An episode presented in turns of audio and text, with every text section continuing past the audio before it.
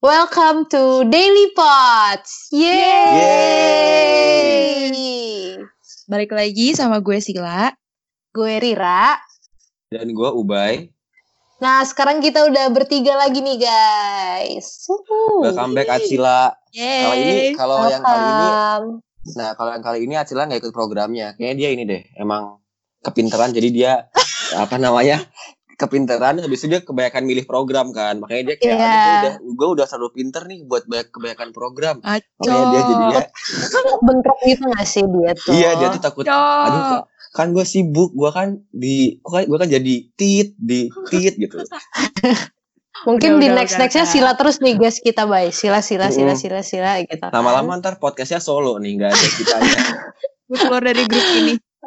Jangan Oh, dong. karir asik. Gak deh. Enakan jadi host apa jadi guest nih, Sil? Nah, gue sih, ya gue orangnya suka semuanya kan ya. Jadi ya Oh. dua-duanya bisa lah. Tuh Host kan, suka sekaligus semuanya kan disikat namanya sama juga dia. campaigner gitu. Ah, Gimana ya? Setuju, Semoga- campaigner. Oke. Lah Acila kan ini influencer tahu. Dia tuh influencer. Enggak, gue udah ganti sekarang. Gue sekarang Kenapa udah ganti? campaigner, personalitinya. Gak tahu, Hmm. gue Oke, ngambil gue tes. bye. Ya udah suka-suka deh. Sil, kalau misalnya lu jadi host, kira-kira siapa nih pembicaranya? Kalau misalnya Acila host nih, seorang Acila jadi host guys. Mm-mm. Kan kalau Ubay Rira nggak mungkin. Siapa kira-kira Iya. pembicaranya? Nah, daripada makin kepo, mending kita langsung panggil aja gak sih siapa nih yang hari ini bakal ngisi acaranya. Halo, halo. Halo Ya. guys. Nah, siapa Ah, nih? Kenalan nih? dong. Halo guys. Halo Halo, Bay, halo. Atila, Rira, dan- Hey. dan tamu satu lagi. Hai. Siapa tuh tamu satu lagi? Iya. Oke, perkenalin, aku Monik. Eh, panggilannya Monik, nama lengkapnya Monika. Wow. Aku saat ini mahasiswa tingkat 3, udah mau ke tingkat 4 di Presiden University. Jadi hari ini aku mau cerita tentang pengalaman aku ikut salah satu beasiswa presti- prestigious di Indonesia. Ayo, tamu satu lagi. Apa lagi, tuh? satu lagi. Prestigious. Tapi nggak Kata ikutan. kunci, kata Iya. kunci. Halo, halo. Halo. Ih, Kenalin nama gue Marco, panggilannya Co. Uh, gue mahasiswa tingkat akhir di Institut Teknologi Bandung. Yeay. Hmm, keren. Asik. Asik. Kalian di satu program yang sama nih berarti nih. Yes. Iya, benar. Mau tahu dong apa sih programnya coba kasih tahu Iya. kita. Apa tuh mau nih? Ayo, ayo, Co. Bareng-bareng ya. Satu, dua, Dua, tiga. tiga. Astrafer. Astraver. Yeay. Yeay. Wuh, keren keren keren keren. Hari ini Oke. kita bakal bahas apa nih? Dari tamu-tamu keren kita. Di podcast kali ini kita bakal bahas pengenalan dan ya hal-hal tentang uh, informasi-informasi tentang Astraverse nih gitu dari dua sumber kita yang super keren ini. Dibahas. Keplok-keplok dulu dong. Iya. Yeay. Keplak-keplak. Keren keren. Oke. Oke, ini daripada kelamaan. Rir, mending kita langsung tanya-tanya ke Monik sama ke Marco. Marco sama Marco sih susah banget Marco. Marco, Kan panggilannya Marco. Oh ya udah, mending kita tanya-tanya ke Monik sama si Co. Coba Rir, gimana Rir? Oke, beasiswa Astra First. Beasiswa Astra First nih apa sih sebenarnya mau tahu dong? Oke, ini mau dijawab aku dulu atau Marco? Monik sih dulu, Monik. Oke, Monit. Jadi Astra First itu program pengembangan yang diinisiasi oleh Astra Internasional. Nah, programnya ini satu tahun mencakup business project assignment, individual development plan, sama pengembangan lainnya yang disesuaikan dengan value-nya Astra. Nah, spesialnya dari Astra First ini, selain kita nerima uang beasiswa, kita sebagai penerima beasiswa bakal diassign buat kerjain real business case-nya anak perusahaan Astra. Jadi kita berperan sebagai apa, Marco? Keren juga nih. Jadi project consultant. Iya. Wow. Gila, Oh. semua ada. Ini teman gue kemarin ke gondola gak sih? Ada yang ke Dufan gitu gak sih? Kayak seru deh. Oh iya, pas tuh. Projectnya Oh, iya. gue. Oh iya. Mantep mantep. Nanti kita Terus cerita kalau dari ya. Marco gimana nih Marco nih? Ah, benar sih apa yang disampaikan Monik itu. Jadi basically itu Astraverse mungkin lebih enaknya disebut sebagai program pengembangan ya. Jadi kalau beasiswanya itu bukan sebagai bagian utamanya. Jadi memang tujuan awalnya itu dia ingin ngembangin uh, insan-insan Astra yang jadi Astra First untuk jadi orang yang lebih baik. Di mana quotes yang mereka selalu pegang itu adalah be the best of yourself. Kayak Ya, gitu. benar sekali. Ooh, Be the Insan. best of yourself. Tau gak sih tadi Marco ngomongnya insan coba. Kayak lucu aja gitu. Insan cendekiawan. Ya, memang Oh. itu istilah kita ya. Itu ya, istilahnya. Ya. Iya, Oh iya. insan. Itu Oh. tagline-nya atau apa nih? Jadi keluarga Astra itu disebut dengan insan Astra. Yes. Hmm. Oke oke. Jadi awardee-nya disebutnya Insan Astra. Iya. Keren. Baik, kita Oke. bukan Insan Astra. Sil, kita bukan Insan Astra. Kalau kita wajar kalau Astra ini kenapa ya dia nggak insan Iya. Astra? Kebanyakan. Kebanyakan. Kayak kebanyakan udah nggak mampu kayak kebanyakan overload. Iya. eh btw btw kan tadi katanya pro, eh, tadi tuh setahu gua kan Astra kan satu tahun nih programnya si Astra First ini. Nah terus pertama kali tahu program Astra First ini dari mana sih si Marco sama si Monik? Gue dulu ya. Kalau gue awalnya sih gue taunya dari kakak kelas gue di jurusan yang sama sih. Jadi awalnya itu gue taunya dari Instagram kakak kelas gue. Jadi gue lagi scroll scroll Instagram tiba-tiba lihat dia ini nih ada foto. Biasanya kalau penerima Astra First itu awalnya pasti disuruh foto, ntar diedit, dikasih caption yang keren-keren gitu. Jadi pas gue lihat wah keren banget nih ya. Habis itu barulah gue mencoba cari tahu dari situ, lihat Instagramnya, gue nanya-nanya ke kakak kelas gue. Itu sih awalnya gue tahu Astra First. Kalau Monik gimana? Kalau aku pertama kali itu tahu pas masa-masa masih freshman mau ke sophomore. Jadi waktu itu karena eh, tahun itu Astra First Award di tahun itu ngadain Astra Talk di kampus aku. Jadi Astra Talk itu sebenarnya kayak seminar gitu buat kasih kasih insight seperti apa sih programnya, kemudian requirement-nya seperti apa. Jadi waktu itu aku nggak daftar kan karena tahu diri eh, masih masih freshman, masih mau ke sophomore Masih gitu kan. Nah, cimit-cimit. Iya, tahu diri gitu kan. Nah, dan emang requirement-nya juga dari Astra itu mereka ngincernya mahasiswa tingkat 3 atau yang mau ke final year. Oke Nah, oke. akhirnya aku ikut tahun berikutnya itu pun karena aku di approach jadi panitia Astra Talk. Ya, kayaknya emang jodoh sih ya. jadi karena aku jadi panitia, terus aku sempat ngobrol langsung sama pembicara waktu itu yang kebetulan banget dia jadi mentor aku saat aku kepilih jadi Astra First. Nah, Hmm. Wah emang jodoh sih itu sumpah. Iya. jadi habis ngobrol-ngobrol jadi kayak oke fix mantep aku mau daftar kayak gitu sih. Ini ya, Oh. btw buat para teman-teman yang nggak tahu freshman tuh tingkat 1, sophomore tingkat 2 ya guys. Gitu. Nah sekarang gue mau nanya ke Marco dan Monik nih. Kenapa ikutan program Astra First dibandingkan sama beasiswa lainnya? Hmm, Marco dulu kali ya. Hmm. eh, kenapa? Sebenarnya bukan kenapa harus ikut ya. Menurut gue ini lebih ke pilihan masing-masing sih. Karena gue juga bukan cuma ikut Keren satu banget. program beasiswa. Bijak Dan sekali saudara. Setiap Mas. beasiswa itu punya ciri khasnya masing-masing lah menurut gue. Tapi menurut gue yang membuat Astra First ini berbeda dari yang lain adalah dia kasih kita kesempatan buat ini project bisnis bareng dengan anak perusahaannya Astra dan itu menurut gue nggak terlihat sih di beasiswa-beasiswa yang lain. Jadi istilahnya kita dapat uh, chance untuk bekerja langsung di dunia nyata, memberikan kontribusi langsung juga dan seakan-akan kita udah sebagai seorang uh, konsultan lah, bener-bener konsultan di anak perusahaannya. Menurut gue itu sih yang menjadi nilai plus banget uh, jadi seorang Astra First. Ya, Kayak gitu. Benar banget. Real work experience-nya itu ya, Cok. That's right. Keren. Mhm. Kalau Monik Keren gimana? juga Monik? sih. Kalau aku sendiri ya karena ini programnya punya Astra.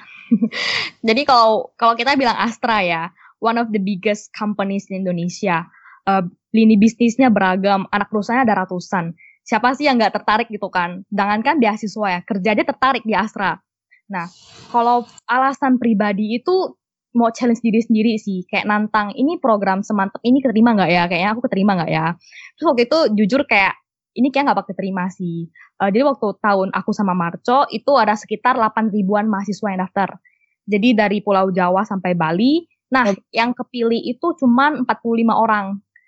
Oh, kayak ya aja. kayak gak nyangka banget sih bakal keterima. Wah, berapa persen itu, Bay? Coba, Bay. Agak keren sekali ya ini sepertinya. Kayak dari 8 Agak ribu keren sekali. kayak 8 ribu 45. Itu kayak bentar gue kalkulatornya sekitar 0, 0, lah depannya Nol. pokoknya. Kan tadi kan katanya uh, Astra itu uh, lini bisnisnya banyak, terus anak perusahaannya banyak. Tapi kalau misalnya ikut beasiswa ini ada ini nggak sih keharusan kalian kalau habis lulus nanti terikat sama perusahaan gak sih? Sebenarnya lebih kayak jadi gini, uh, psikotesnya Astra First sama Astra itu sama. Jadi sebenarnya mereka bukan kayak maksa kayak oh kita harus masuk enggak. Jadi kalau misalnya kita pengen mereka sangat welcome sekali. Kemudian psikotes yang aku sebut sebelumnya karena sama. Jadi kalau kita pas psikotesnya Astra first, berarti kita kalau masuk Astra nggak usah psikotes lagi. Gitu. Wah itu dapat privilege lagi tuh. Hmm.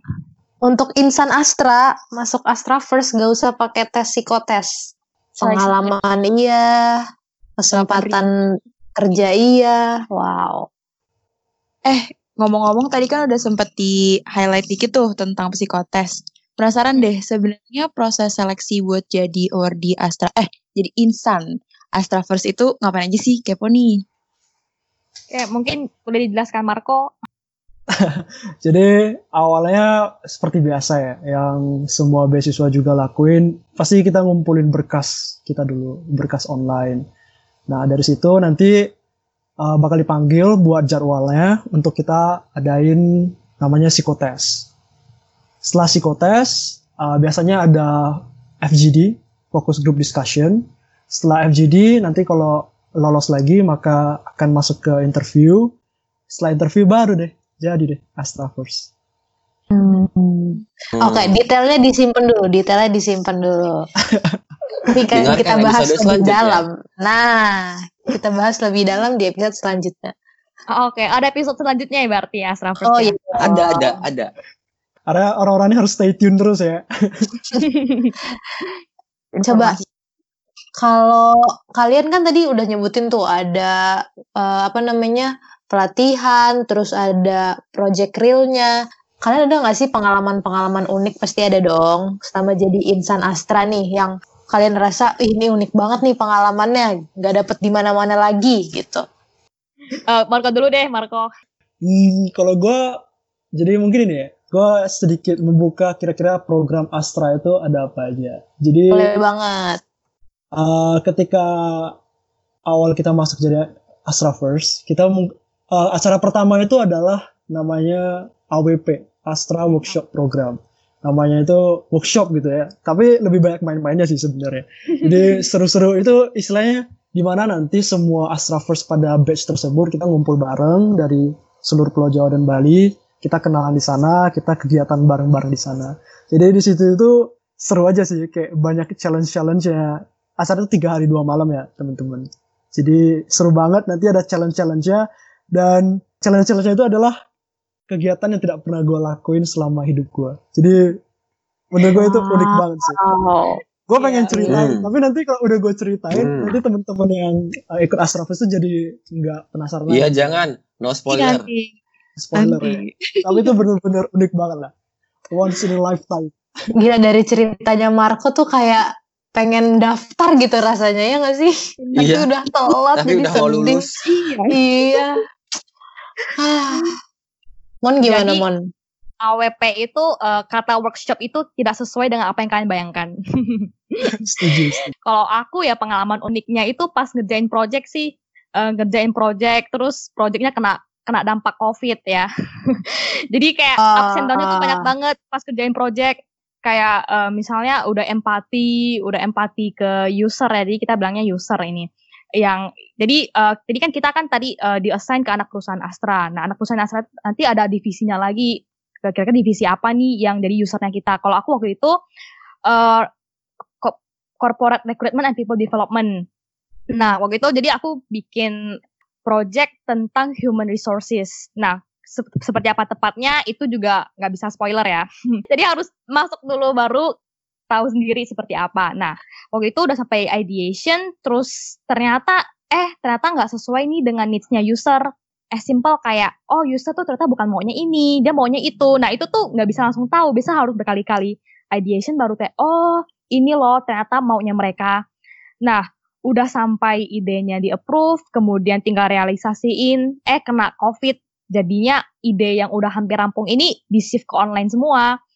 Putar otak lagi, dan akhirnya bisa sampai ke penyelesaian project terus kemudian di review reviewnya itu dari Astra Internasional user sama mentor nah terus ternyata begitu diapresiasi uh, effort kami dan hasil kami itu luar biasa banget sih perasaannya jadi menurut aku itu pengalaman paling yang memorable lah nggak bakal dilupain dan bakal cuma didapatin di Astra levelnya Hmm. udah internasional loh nih. Iya.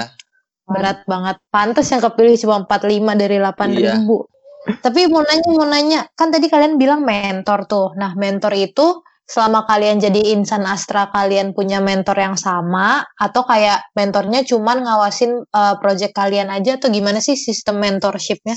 Satu lagi dong sekalian. Sama si project-project ini tuh kayak gimana sih projectnya? Apakah kita jadi bisnis consultant doang? Atau kita mikirin hal lainnya? Atau tujuannya apa gitu maksudnya? keterlibatannya sampai mana gitu ya bay? Iya benar-benar. Ah, oke oke. Mungkin gue pengen cerita sedikit mengenai uh, project bisnisnya, bisnis project. Jadi uh, pas kalian dengar bisnis project itu bagi teman-teman yang nanti mau ikut Astra First, jangan mikirnya itu terlalu apa ya? Kayak, oh artinya uh, ngurusin ini kayak korporat korporat banget. Enggak kok. Enggak enggak selalu. Ada juga dan ada yang enggak. Misalnya project gue. nih. Project gue itu fun banget. Project gue adalah gondola Ancol. Bisa bayangin. Jadi kayak gue itu project Sama teman gua kan tuh, lucu sama Zagi, Iya benar benar. Jadi sama kelompok gue itu guys. bertiga ya. Uh, bertiga dari ITB semua. Habis itu uh, kita dikasih anak perusahaannya itu adalah Koperasi Astra. Di mana Koperasi Astra itu dia juga salah satu pemilik dari gondola yang ada di Ancol. Nah jadi tugas kita gue dan temen-temen ini tim kita tugasnya adalah gimana biar kita ningkatin jumlah pengunjungnya ke gondola.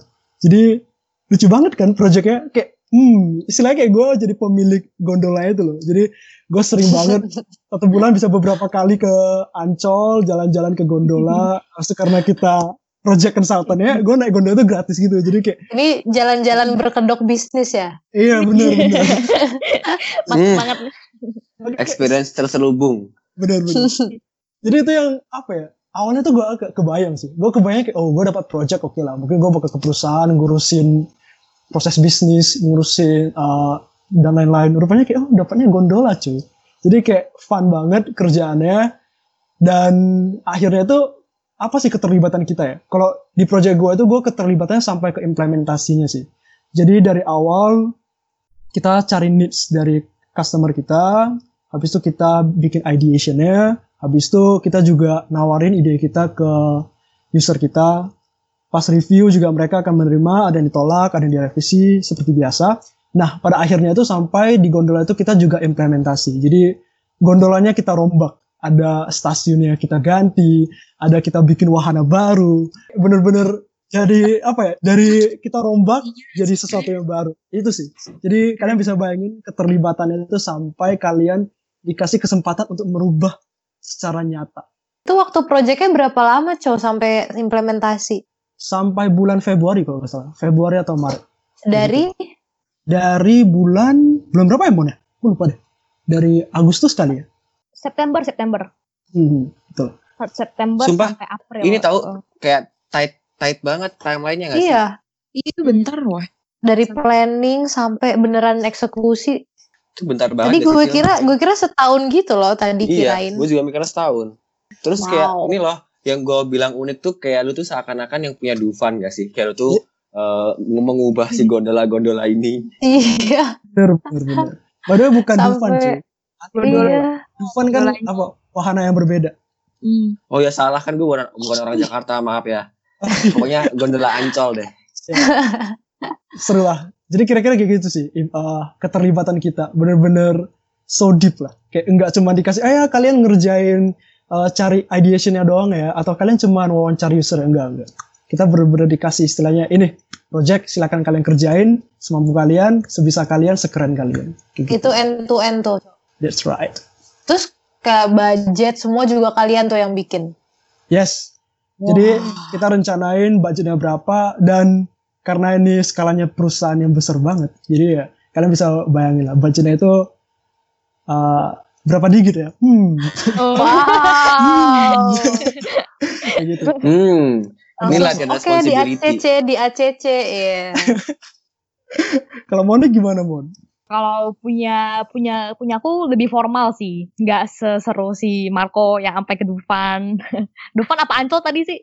Ancol, Ancol. Ancol. Oh, Ancol ya. Nggak yang sampai ke Ancol. Punya gua uh, punya aku di Pulau Gadung malah da daerah pabrik.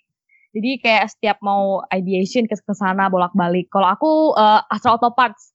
Jadi itu perusahaan trading dan manufacturing uh, komponen otomotif terbesar di Indonesia.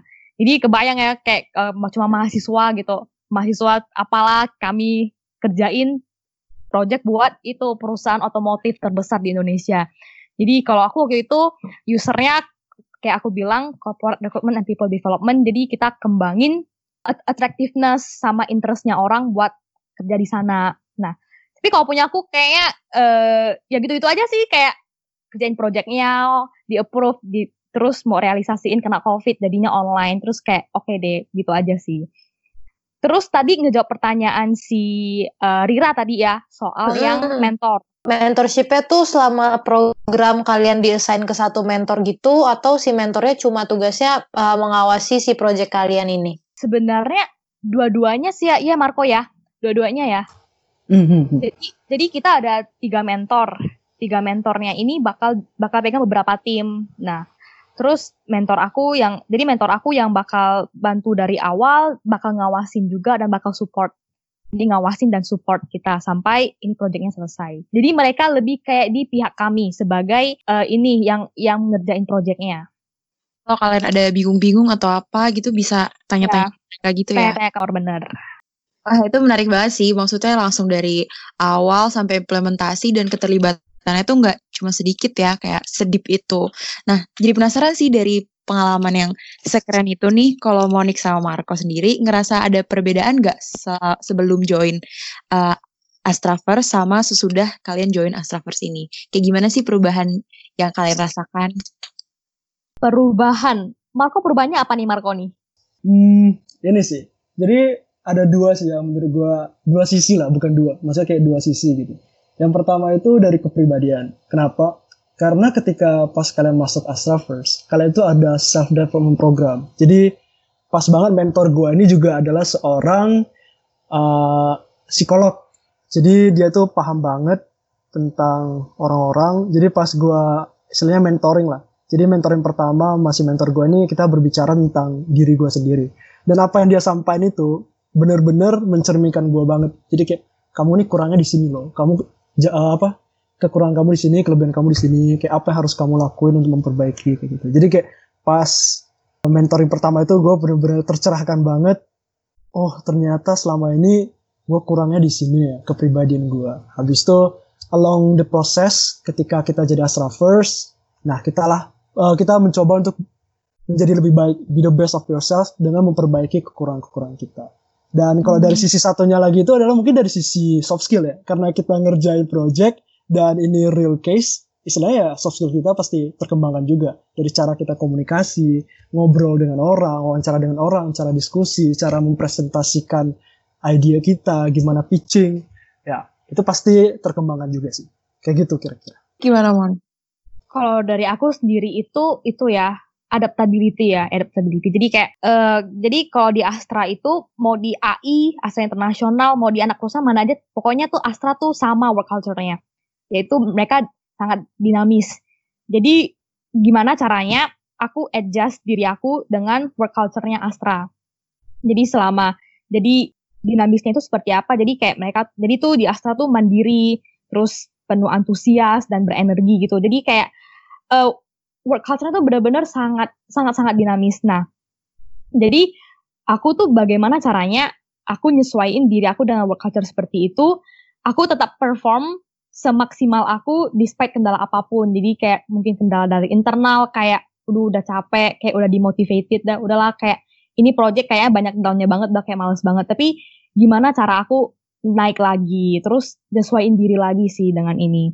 Kemudian biasa juga ada kendala eksternal kayak ini covid nih gimana caranya aku muter otak aku sesuaiin diri lagi dengan Astra karena menurut aku itu penting banget sih kayak kita nanti kerja mau di mana pun kita tetap harus nyesuaiin diri sama perusahaan apa itu kan kayak kita nggak mungkin uh, kerja nggak cocok terus langsung keluar kan jadi kayak menurut aku ini kesempatan yang cocok banget buat kita nyesuaiin diri dengan work culture perusahaan gitu sih.